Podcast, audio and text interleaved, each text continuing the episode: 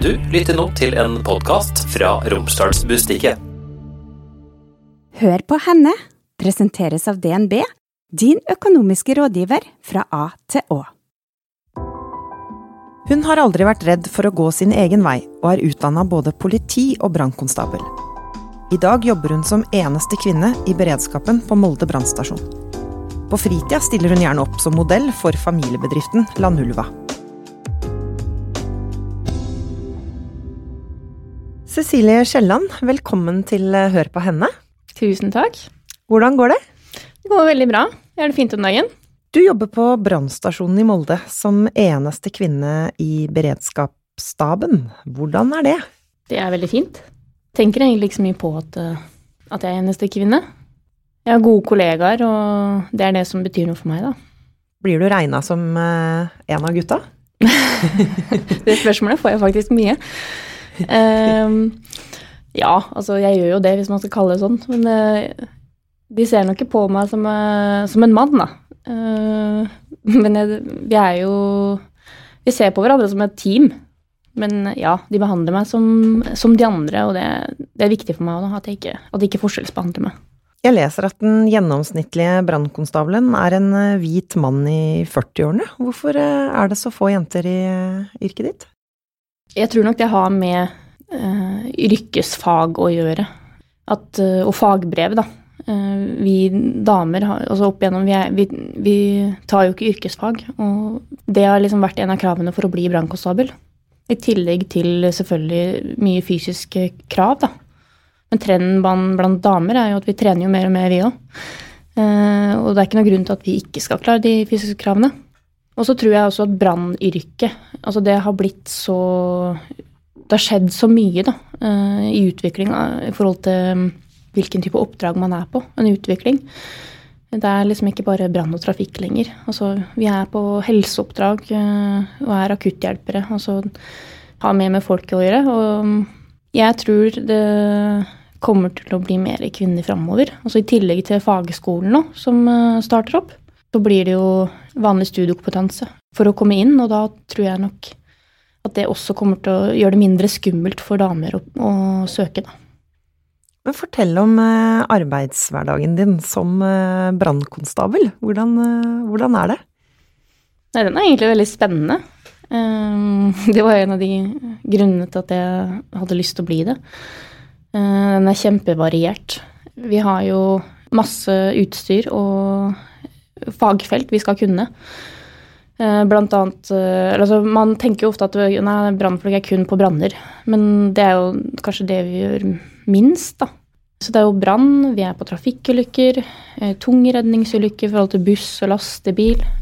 Vi har tauredning, vi har overflateredning, vi har båttjeneste. Kjemikaliedykker, redningsoppdrag.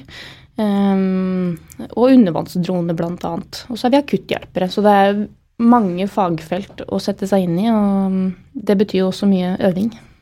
Men si litt om um, dette her med å være i beredskap hele tida. For alt kan jo skje når som helst, i teorien.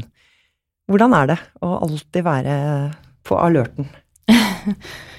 du blir veldig vant til det. Så det er egentlig ikke noe jeg tenker så mye på, for jeg veit jo at uh, når jeg kommer på jobb, så Enten så det, kan det skje masse, og vet, du vet jo aldri hva det er. Eh, eller så skjer det ingenting.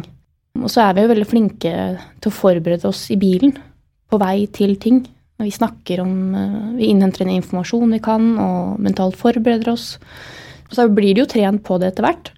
Jeg går aldri på sånn tå hev. Altså selvfølgelig, Jeg sover jo eh, bedre hjemme i senga mi enn når jeg har hvilende vakt på jobb. Det er jo klart. men, men generelt så så er man jo liksom påskrudd da når man kommer på jobb. Så ja, jeg syns det, det, er veldig ålreit. Jeg liker den spenningen, jeg. Og hvordan er det å kjøre utrykning gjennom Moldes gater? Fullt blålys og bånn gass? Nei, det er jo gøy å kjøre lastebil. Brannbil. Men det er også en seriøsitet i det. Eh, det er jo noe av det farligste vi gjør, å kjøre utrykning. På hvilken måte da? Nei, altså For det første så er jo, det er jo en stor bil. Eh, du har høyere fart, det tar lengre tid å bremse.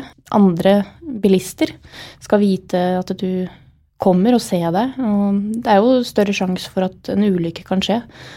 Og det er jo viktig at vi kommer fram, og ikke at vi skal forårsake en ny ulykke. Sånn at eh, det er jo Du må jo være veldig skjerpa når du kjører. Hvilke tanker eller følelser er det som går liksom gjennom kroppen? Hvordan har du det inni deg? Når du er på utrykning, kanskje ikke har full oversikt over eh, hva som kommer i andre enden ennå? Ja, du får jo en eh, spenning i kroppen. Jeg, jeg føler man liksom blir så fokusert at uh, det er på en måte ikke skummelt likevel. Det er mer du, du, er jo der, du er trent på ting, og du vil komme fram for å hjelpe, da. Men det er klart, herregud, du har jo spenning i kroppen, og det er jo en del usikkerhet. For ofte så vet du jo Du får jo en del informasjon på vei til oppdrag og på vei til stedet, men ofte så veit du jo ikke alt før du kommer fram. Og så det er ikke alltid du vet alt da heller. Hva er det du er mest eh, redd for, da, i hermetegnet, å møte? Altså det er jo å møte skadde mennesker, da, og spesielt barn. Jeg, jeg, tror nok det er mange som vil si det. Barn er liksom noe av det mest sårbare vi har, og så å se dem være skadd, det er jo ikke noe ålreit. Altså hvis et hus etter noen brenner, altså de mister jo alt, det er jo en kjempestor tragedie, da. Men det føles jo godt å kunne gjøre det du kan for å hjelpe, da. Og hva er det tøffeste du har eh, opplevd? Nå har vel du jobba på brannstasjonen i tre-fire år, da. Hva er det tøffeste du har opplevd? Det, vil egentlig si, det er jo egentlig helseoppdrag. Vi rykker ut ved f.eks. hjertestans. Og det er jo aldri noe kjekt uh, når ikke det går bra. Du kjenner jo på det. Det kan jeg tenke litt på etterpå. Men vi er veldig flinke til å snakke sammen, da. Debrief formelt sett, som det heter. Og, det er jo rutiner på også det hvis det er større hendelser, da. Så arrangeres det jo en, en formell debrief, og gjerne med de andre nødetatene. Eller andre som har vært på stedet, da. Så vi får snakka ut. Og det er utrolig viktig for å på en måte overleve i eh, en sånn type jobb som det her, da, hvor du får mye sterke inntrykk. Det er viktig å, å bearbeide, sånn at du ikke går liksom og, og holder på det. da. Og vite det at hvis du får en reaksjon, bare vite at det kan være normalt å kjenne at det går inn på deg, eller at du blir lei deg, eller at du ja, får, hva enn slags reaksjon du får. da. At det er ikke unormalt. Kjempeviktig å liksom, ha tillit til laget da, og tørre å si åssen du har det. Får dere hjelp av psykolog? Nei, ikke psykolog. Eller, altså, du kan, hvis du trenger det, så kan du jo få tilbud om det gjennom bedriftshelsetjeneste. Men jeg har aldri behøvd det. Da. Det har liksom vært nok å snakke med kolleger da, og hatt debrief. Hva er det som gjør jobben din eh, meningsfull? Jeg har alltid visst at jeg har lyst til å jobbe med mennesker. Da. Jeg bryr meg veldig om de rundt meg, og jeg syns det gir meg noe å bidra i samfunnet, da, på en måte. Høres så klisjé ut å si det, men eh, det er egentlig så enkelt. da. Jeg syns det er ålreit å være med og gjøre en forskjell for noen, om det er lite eller stort. da.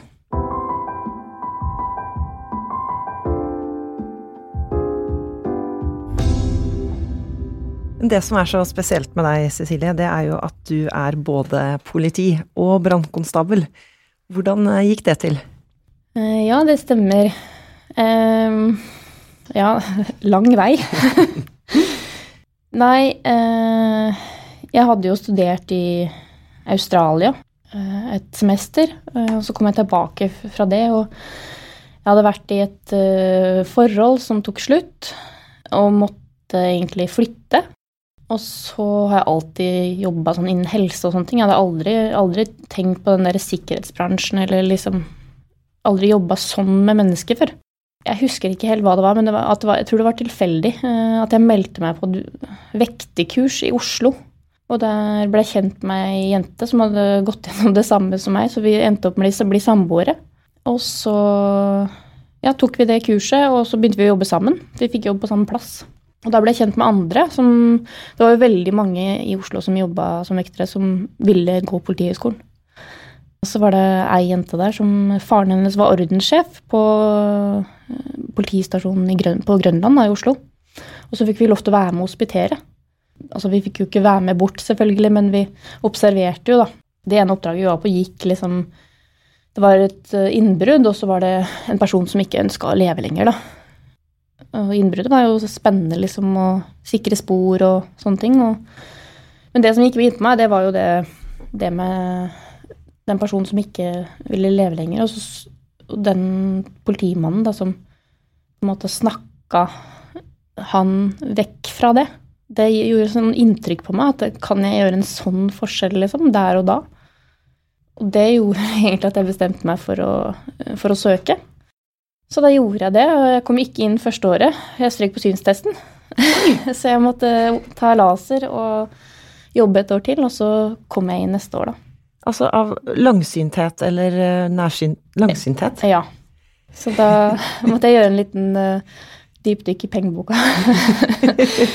uh, og så vente et år til, da. Og så kom du inn? Så kom jeg inn. Jeg tenker at det gjør ikke noe. Da var jeg jo liksom 23, jeg hadde blitt litt eldre. Og det tenker jeg er positivt, da. Være litt mer moden når du skal ha det yrket her. Og si litt om eh, opptakskrava på Politihøgskolen. Hva var noe av det du måtte gjennom for å ha sjans? Eh, ja, Politihøgskolen, det var eh, Det var jo selvfølgelig kondisjonstest, da. Og så var det jo benkpress og stille lengde. Hangups og ja, litt sånne type tester. Og så var det jo intervju. Og hva ble du spurt om da? Mye personlig. det satt en psykolog, det var sånn nemnd, så det, jeg, tror ikke de gjør det sånn lenger nå, for nå har de litt annen type, da. Men det satt en nemnd der med bl.a. en psykolog. Eh, og så var det jo en jeg tror det var en innsatsleder da, politi, fra politiet, og, og, selvfølgelig noen fra Politihøgskolen. Nei, så De spurte om alt fra ting fra barndommen min til hvem jeg var, og ja, veldig mye. Men heldigvis så fikk jeg, fikk jeg plass, da. Så jobber du i politiet noen år, men eh, etter hvert så tar du da også brannkonstabelutdanning. Hva gjorde at du ville skifte etat? Det jo var litt sånn eh, ja, tilfeldig. tilfeldig. Jeg høres ut som jeg er et tilfeldig menneske, men Nei, eh, jeg hadde jobba mm, som politi fire år cirka i Drammen, på Orden der. Eller patruljeseksjonen, som det heter nå. Eh, og så var det en vakt jeg kjørte med, med innsatsleder, og da var innsatsleder Brann med hospitert hos oss. Og da ble jo, Jeg skravler jo det, da, jeg selvfølgelig, så da ble jeg sittende og skravle mye med han. Og så um, inviterte han meg til å hospitere hos dem. Så tenkte jeg ja, det ble jeg med på, for da hadde jeg jo allerede møtt brannfolk på masse ulykker og åsted og sånne ting, og jeg syns det var spennende, da. De, de, de er liksom så hands on. Det er jo veldig forskjellige oppgaver fra politiet.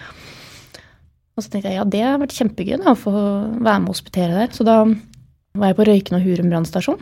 24 timer. Så da fikk jeg soverom og overnatta, og da hadde vi en sånn samøvelse med helse og politi og, og brann. Eh, med trafikkulykke og fastklemt person. Og da fikk jeg liksom prøve verktøy og frigjø eller frigjøringsverktøy, da, og være med liksom og ja, øve. Og så husker jeg uh, spesielt godt at uh, jeg hadde jo ikke tatt borti motorsag før. og så ja, da lærte han ene meg hvordan jeg skulle skifte kjetting, da. Og hvordan jeg skulle kvesse for motorsaga, altså motorsag bruker man for å frigjøre folk? Fra... Nei. nei. nei. Uh, du kan jo bruke det i en brann, da. Ja, til hva? For å lage, skjære hull i taket og lage utluft eh, på taket. For å få ut brannrøyk. Nei, så det var en kjempespennende eh, 24 timer for meg. Og så um, ble det jo da til at eh, jeg var hjemme på sommerferie, og så møtte jeg jo en uh, fyr, da, her oppe. Så hadde vi avstandsforhold en periode, og så bestemte jeg meg Jeg hadde tenkt på å flytte hjem hit, for jeg har jo veldig mye familie her oppe. Søsken og mamma og tantebarn og osv. Da ville jeg prøve å flytte hjem, men det, var jo, det er jo veldig vanskelig å få seg jobb i politiet her i Molde. Men så kom jeg over um, den brannjobben, da. Så tenkte jeg ja, nå er jeg 30. Hvis jeg skal prøve, så må jeg gjøre det nå. For hvis ikke så følte jeg at jeg ble for gammel, da. Men det stemmer jo ikke, jeg er ikke for gammel, da, men Så da satte jeg i gang med litt trening, da. Jeg tok på meg sånn Gore-Tex-uniform, da, som jeg har Høres ut som en sånn Rambo. Men uh, Gore-Tex-uniform som vi har i politiet som vi bruker på skytebanen. Og kjøpte meg en sånn 20 kilos vektvest. Og så gikk jeg mølletesten, da. Og hva, hva er det? Mølletest? Nei, da, da, skal du gå åtte minutter på stigning. I brann så gjør den, med brannklær og 23 kilo. Så jeg skulle liksom simulere den testen, da. Så gikk jeg trapper og bærte manualer for, som skulle simulere brannslanger. Uh, ja, trente til 3000-meter-testen og pushups med vekt. Hvor mange pushups må du klare med hvor mye vekt? Eh, det er sammen av brannklær, og så har du 23, 23 kilo da, totalt med en sånn meis som skal være røykflaske. Så da er det minimum syv. Og da er det strake pushups? Ja, det er, det er strake pushups. Det er ikke på knærne. Knær i bakken. ja. nei, men du, det er jo bare å Du, du må jo ta flere enn syv. Du vil jo, må jo skille deg ut. Ja, nettopp. For å liksom uh, gjøre inntrykk. Ja, jeg tenker det. Da. Du må jo gutse på. så det er jo mer å gjøre Hvor mange klarte du da? Det må jeg bare spørre om. Uh, hva var det jeg tok på opptaket, da? Var det 18, uh, eh, tror jeg. Ok, det er bare å begynne å trene, hører jeg. Ja. Men hvor, hvor, vanskelige er kravene til opptakskravet til brannkonstabel i forhold til politi, vil du si? Ja, jeg vil si at det er vanskeligere. I politiet så er det jo forskjell på kvinnekrav og, og herrekrav, da. Både på benkpress og løping og alle sånne type ting. Men i brannvesenet så er det jo likt, for det er ikke noe, ikke noe forskjell på kjønn. Og det syns jeg også er riktig, for at eh, du skal gjøre den samme jobben. Og det kreves faktisk litt fysisk styrke, da. Altså, du skal jo i verste fall dra ut makkeren din fra et brennende hus. Eller en savna person. Så mm, ja, det er, det er, tyngre. Det vil jeg absolutt si. Og mer omfattende? Altså... Ja, ja, mer omfattende. Det er jo høydefobi, eh, svømmekrav, klaustrofobitest, arbeidstest, eh, mølletest, styrketester. Eh, så husker jeg vi hadde noen sånn matteoppgaver òg, faktisk. Og logikkoppgaver, sånn teoretisk, på papir. At du skulle lese en tekst da, eller et oppdrag, og så skulle du liksom huske. Det tror jeg har med informasjon du klarer å ta imot, sånn forhold til meldingsmottak. Må du nå ta denne testen jevnlig? Altså vise at du liksom fortsatt er i form? Ja, eh, det må du. Eh, for å være røykdykker, da, og det, det er alle som er, eh, er, i beredskap, da, så har vi årlig fysisk test, og så er det jo helsekrav. Så vi må til legen og sjekke at vi har helsa i behold da, for, å, for å få lov. Og hvordan holder du deg i form, da, for å klare sju minst sju strake pushups med 23 kilo. eh, variert. Jeg liker jo veldig godt å være ute, da. Jeg går i både ski bortover og oppover, og mye i fjellet når det er bart. Så trener jeg også styrke og kondisjon, og så driver jeg med poledance, da. Litt sånn utenfor eh, boksen. det, men eh, ja. Hva er det som eh, Hvorfor poledance? Det var også tilfeldig. Jeg slengte med, jeg tok med en venninne og så dro på en prøvetime for ett og et halvt år siden. Ja, det hører, ja, ikke at jeg skal Men du er jo aleine som dame, da. Du er sammen med mye mannfolk hele tida. og så jeg tror kanskje jeg hadde litt behov for litt kvinnelig kontakt. litt annet miljø? Ja, litt annen input. Og så Det var derfor jeg dro på den prøvetiden. Og det, det, var jo som å komme hjem. Det er, eh, det er jo ikke så mange som veit at det er et uh, polstudio her i Molde. Men det er et kjempegodt miljø. Uh, veldig variert aldre. Og det er litt sånn fordommer, føler jeg, mot sånn poledance. Liksom at, det er sånn strippegreier. Men det, det er jo sykepleiere og IT-folk og lærere og helt normale mennesker som, som har det som uh, trening, da. Og det er jo en sport, faktisk. Plutselig at det er kjempegøy. Jeg har prøvd det én gang, og jeg var full av blåmerker etterpå. Og støl fra halsen og ned i anklene, cirka. Så jeg kan i hvert fall skrive under på at det er beinhard trening. Ja, det er tungt. Er absolutt. Og blåmerker, det kan jeg også skrive under på. Men dette er jo litt gøy, da. For det er jo en eh, I Poland så jobber man jo med en stang. Og i brannyrket så ser man jo for seg at det er en stang. Er det det på brannstasjonen? Som du kan svinge deg rundt, eller? Iallfall på film. ja, vi har nå en som står i resepsjonen, så, men den er ikke i bruk. men jeg tror det er Oslo har vel en, en sånn de, de, bruker. Men uh, ikke her på Molde brannstasjon. Hei, jeg heter Ida og jobber som finansrådgiver i DNB Molde. Visste du at seks av ti spareavtaler i fond tilhører menn, og at menn har en bruttoformue som er 1216 milliarder høyere enn kvinner? Det tilsvarer et helt statsbudsjett. Bli med og tett kapitalgapet. Gå inn på dnb.no for å avtale en rådgivningssamtale med oss. Får du bruk for eh, politibakgrunnen din i jobben som brannkonstabel? Ja, jeg vil jo si at jeg har hatt eh, utbytte av det. Du, du har jo masse erfaring fra forskjellige typer oppdrag og åsted, og mm, du har erfaring fra utrykningskjøring og du, du, har noe jeg kaller knappen. Den eh, blålysknappen. Eh, nei, og det å skru på bryteren.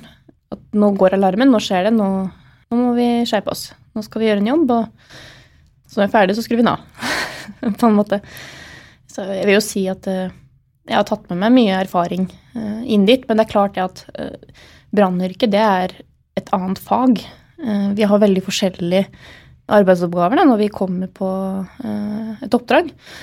så jeg følte jo liksom det at jeg begynte jo på, på nytt. Altså sånn jeg kom hit, både på bosted og nettverk og jobb og så det var veldig mye kursing og sånn i starten. da. Jeg hadde jo den bacheloren min i politiet, men jeg hadde jo ikke Jeg måtte jo ta førerkort på lastebil. Eh, så tok jeg båtførerprøven og VHF-kurs og røykdykkerkurs og kjemikaliedykkerkurs.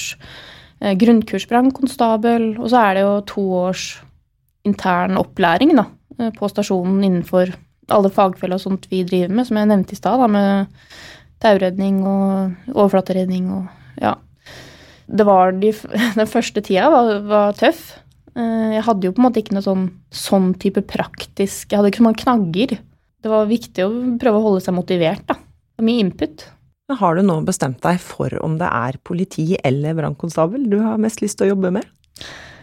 Ja, jeg har jo fått uh, jobb i politiet her i Molde nå.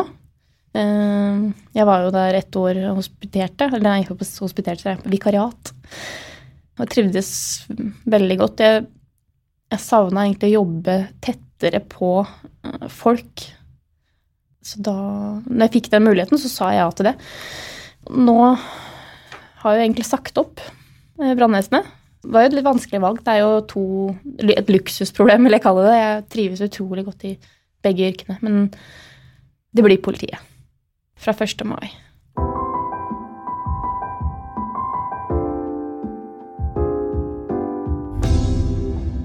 Politiet i Molde har jo fortalt i media at de er eh, bekymra for eh, unges narkotikabruk. Har du eh, egne opplevelser med dette fra det året du vikarierte i politiet her?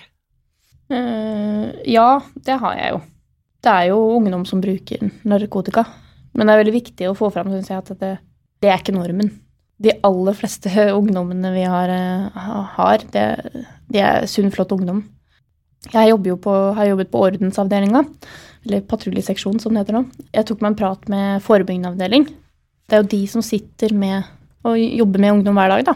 Eh, og som de sier, så Sosiale medier i, i dag gjør nok at ting blir mye mer tilgjengelig.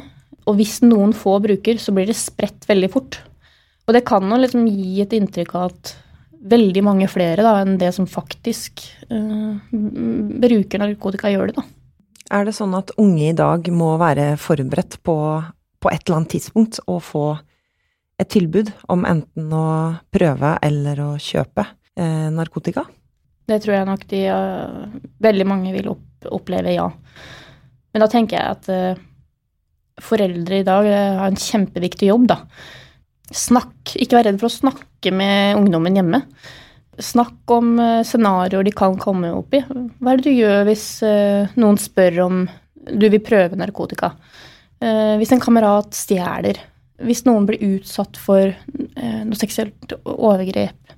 Hvis venninna di drikker seg kjempefull og, mist, og så blir bevisstløs, hva er det du gjør da? Altså, ha hatt de gode samtalene da, om uh, hva som er lurt å gjøre, og, sånn at, og ha den der tilliten at ja, at de faktisk ringer da, vi, når de trenger hjelp, og at de ikke skal være redd for å få kjeft, liksom, og derfor ikke uh, si ifra, da, eller be om hjelp. Uh, viktig. Man får jo ofte høre at man skal snakke med ungdommen sin, og det kan jo være litt sånn vanskelig å starte den praten, men der hadde du en fire-fem helt konkrete problemstillinger som man faktisk kan rett og slett bare sette i gang en, en samtale om. Ja, hvorfor skal man gjøre det så komplisert? Altså, ungdommen de vet jo mye mer enn det vi tror, tror jeg. Bare i bilen når man er på kjøretur. Ha en casual prat uh, rundt, rundt middagsbordet. Altså sånn, ikke gjør det så, så skummelt, på en måte. Uh, for at de tinga her, de skjer jo. Og det er så fint for dem å ha prata om det og reflektert over det uh, på en trygg arena, tenker jeg.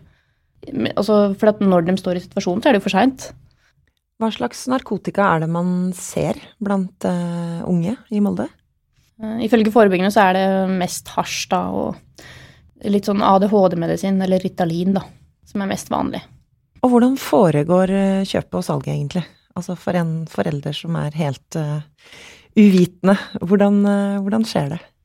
Veldig mye over, over sosiale medier. Snapchat. Unge selgere legger ut, da Mm, salgsmeldinger, og så, og så, kan folk uh, svare og kjøpe der, da. Mm, så det er jo veldig enkelt. Det er jo veldig sånn uh, distansert. Så jeg tror nok uh, det er lettere i dag enn før sånn sett. Det er så tilgjengelig, da. Og de som selger, hvor får de tak i det hen? Altså er det nett som er, er der handelen foregår? Både på nett, men òg av større selgere, da. Politiet har jo sagt at um, Altså, det er ikke det at det er uh, nødvendigvis en sånn stor økning i antallet unge som bruker narkotika, men at de ser en liten dreining mot at de er yngre, helt ned i 13-årsalder. Hva kan det skyldes? Jeg tror nok det er tilgjengeligheten. Det er lettere enn før. Men det er litt viktig å få fram, syns jeg, at er, de aller fleste ungdom bruker ikke narkotika. Og det er veldig mange som ikke veit at det liksom er skadelig. Jeg snakka med forebyggende her om dagen, og da hadde jeg hatt eh, noen unge jenter da, i 14-15-årsalderen inne til bekymringssamtale, som da hadde brukt narkotika.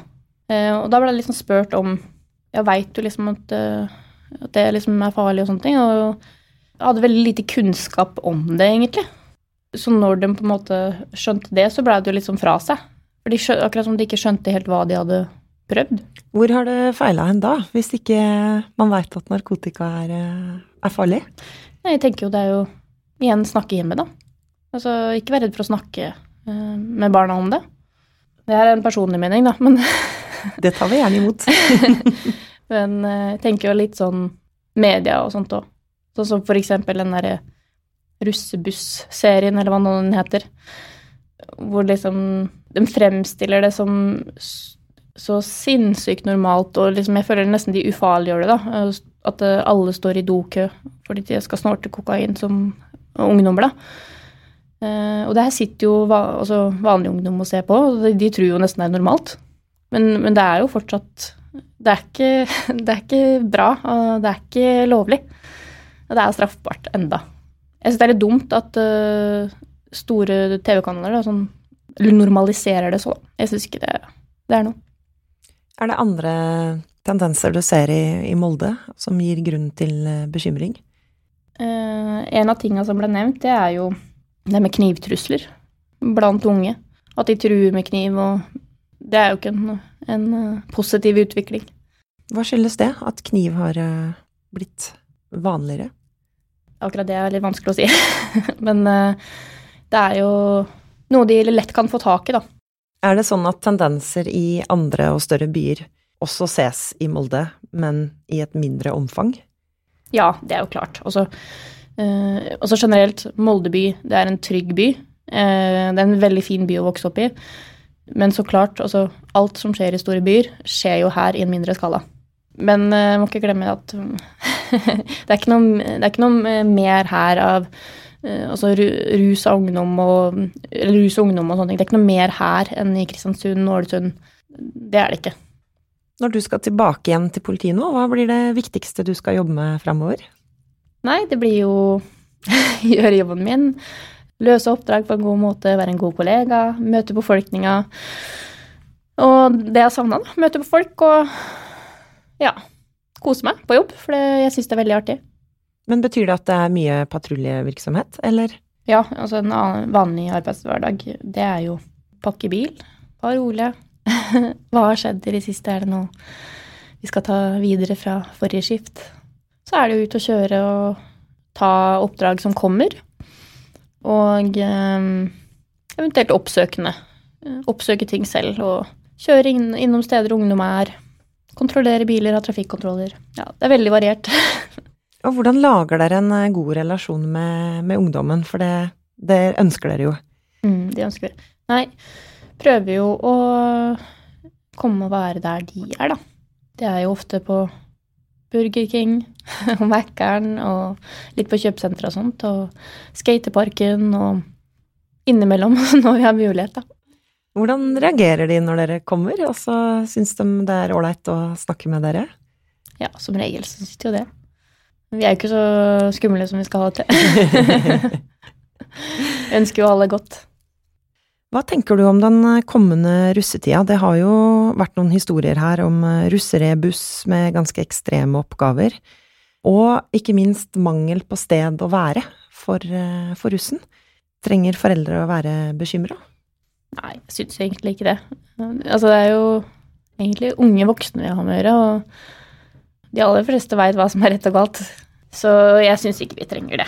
Eh, og det er, sånn jeg har forstått det, så er det god uh, kommunikasjon med russen i år. Og de også ønsker uh, at det skal være en fin russetid for alle. Og så nytt av i år, det er vel egentlig at de har For de har alltid ønska en plass å være. for det er jo alltid spørsmålet. At de blir liksom jagd vekk. Det er ingen som vil ha dem. Nei, sant. Så, men fra i år så er det Det skal være en sånn avgangskro, tror jeg de kaller det. Um, og det er samarbeid da, mellom russen og Mylder på gamle Kulturhuset. Og det syns jo vi òg er kjempefint. Da, og, det, og russen. Da har de en plass å være, og, og vi veit hvor vi kan stikke innom og oppsøke dem og ta en prat og ja, passe på at ting er bra.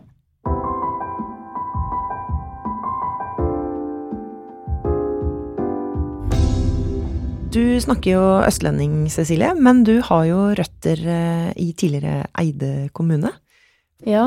Eh, mamma er fra Lyngstad. Så vi, den perioden, vi hadde jo en periode når jeg var yngre hvor vi bodde her oppe. Så da gikk jeg jo litt på barneskolen på Lyngstad, og så på ungdomsskole på, på Eide, da. Før vi flytta ned igjen. Det er ikke alle som liker været her oppe, og det, pappa var en av dem. Men hva husker du fra de eh, barneårene? Mm, veldig, veldig fine, egentlig. Jeg kommer fra et hjem da, hvor, hvor døra alltid har vært uh, åpen. Alle fikk lov til å komme, og det var plass til alle hos oss. Um, det syntes mamma og pappa var veldig viktig. At vi hadde en plass å være. Og... Så det var alltid mye folk, eller altså mye unger, da, hos oss. Ja, vi var jo veldig mye hos besteforeldrene mine. De bodde jo på en måte ned gårdsveien for oss. Jeg har hatt veldig sånn engasjerte besteforeldre. Jeg hadde jo hest uh, i mange år. Og der var bestefar veldig engasjert. Og bestemor hun lagde jo mat, og det var jo veldig mye unger der òg, for vi, vi, dro jo ofte ned dit nå. Så vi satt på uh, traktorklipperen og var med og hogde ved oppe i skogen med bestefar, og bestemor tok oss med i drivhuset. Og, så veldig sånn uh, Ja, mange gode minner. Hva har du med deg av verdier? Uh, omsorg for andre. Alle er velkommen, og det er lov å være forskjellig. Mm. Og så har du jo en uh, mor som er ganske så driftig, og som driver uh, Lanulva. Ja, det stemmer. Vi har jo egentlig sett deg før, fant jeg ut, i, i Lanulva-gensere. På hvilken måte er du involvert i, i drifta? Ja, det er jo en familiebedrift, da.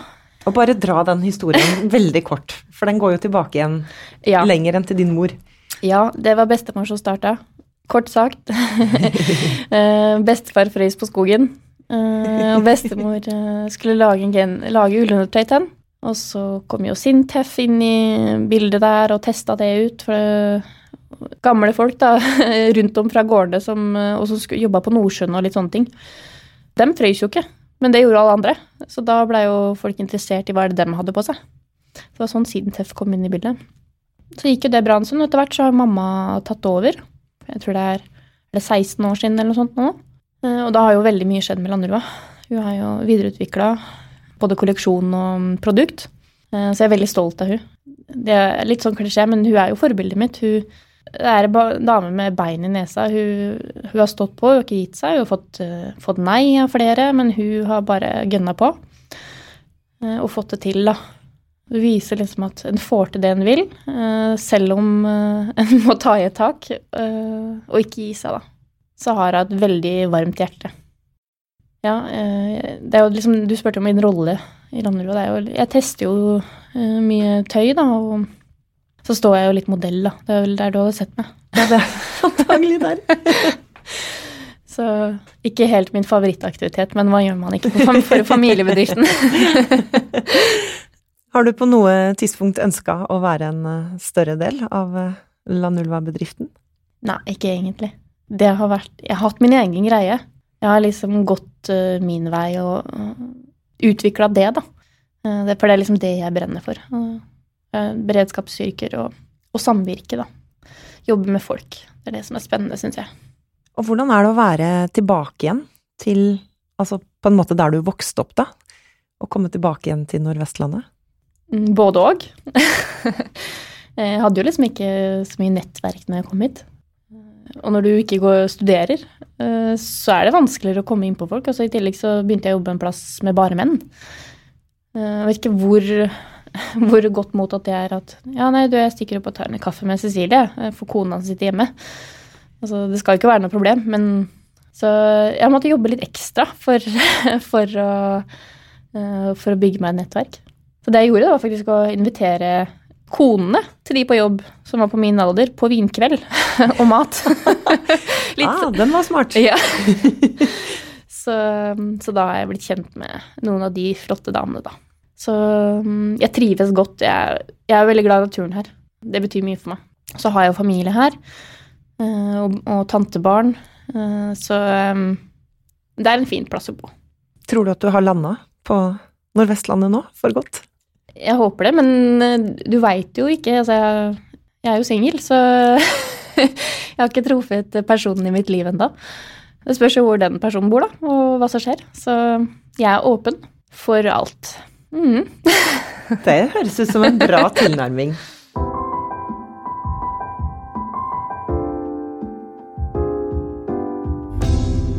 Hva har livet lært deg? Um, har du et råd som du vil gi videre til andre?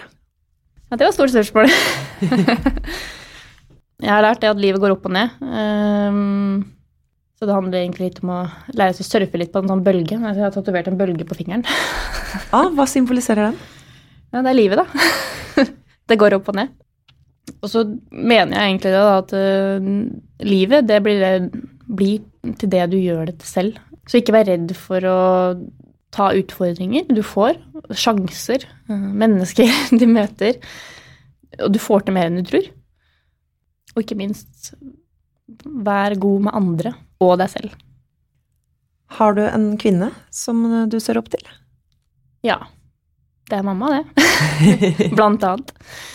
Mamma er tøff, utrolig snill, omsorgsfull. Hun tør å utfordre seg sjøl og ta sjanser, og det, det er en sånn person jeg vil være. Som jeg prøver å være. Eh, Men ikke minst så ble jeg litt sånn Jeg ble inspirert av hverdagskvinnen, for jeg syns eh, Eller mennesket. Jeg syns mennesker inspirerer meg. Det er så mange tøffe mennesker som tør å ta en sjanse, og som tør å være sårbar. Og det inspirerer meg. Når andre får til, til ting, for da tenker jeg ja, men hvis du får det til, ja, men da kan jeg også få det til. Cecilie Skjelland, tusen takk for at du var gjest i Hør på henne. Takk for at jeg fikk komme. Hør på henne er laget av Romsdals Bustikke. Produsenter er Stian Viken og Hanne Fleischer. Mitt navn er Vera Henriksen. Har du ris, ros eller innspill til gjester? Send meg en e-post på henne-r-b.no. Følg oss også gjerne på Instagram, så håper jeg vi høres snart. Hør på henne presenteres av DNB, Din økonomiske rådgiver fra A til Å.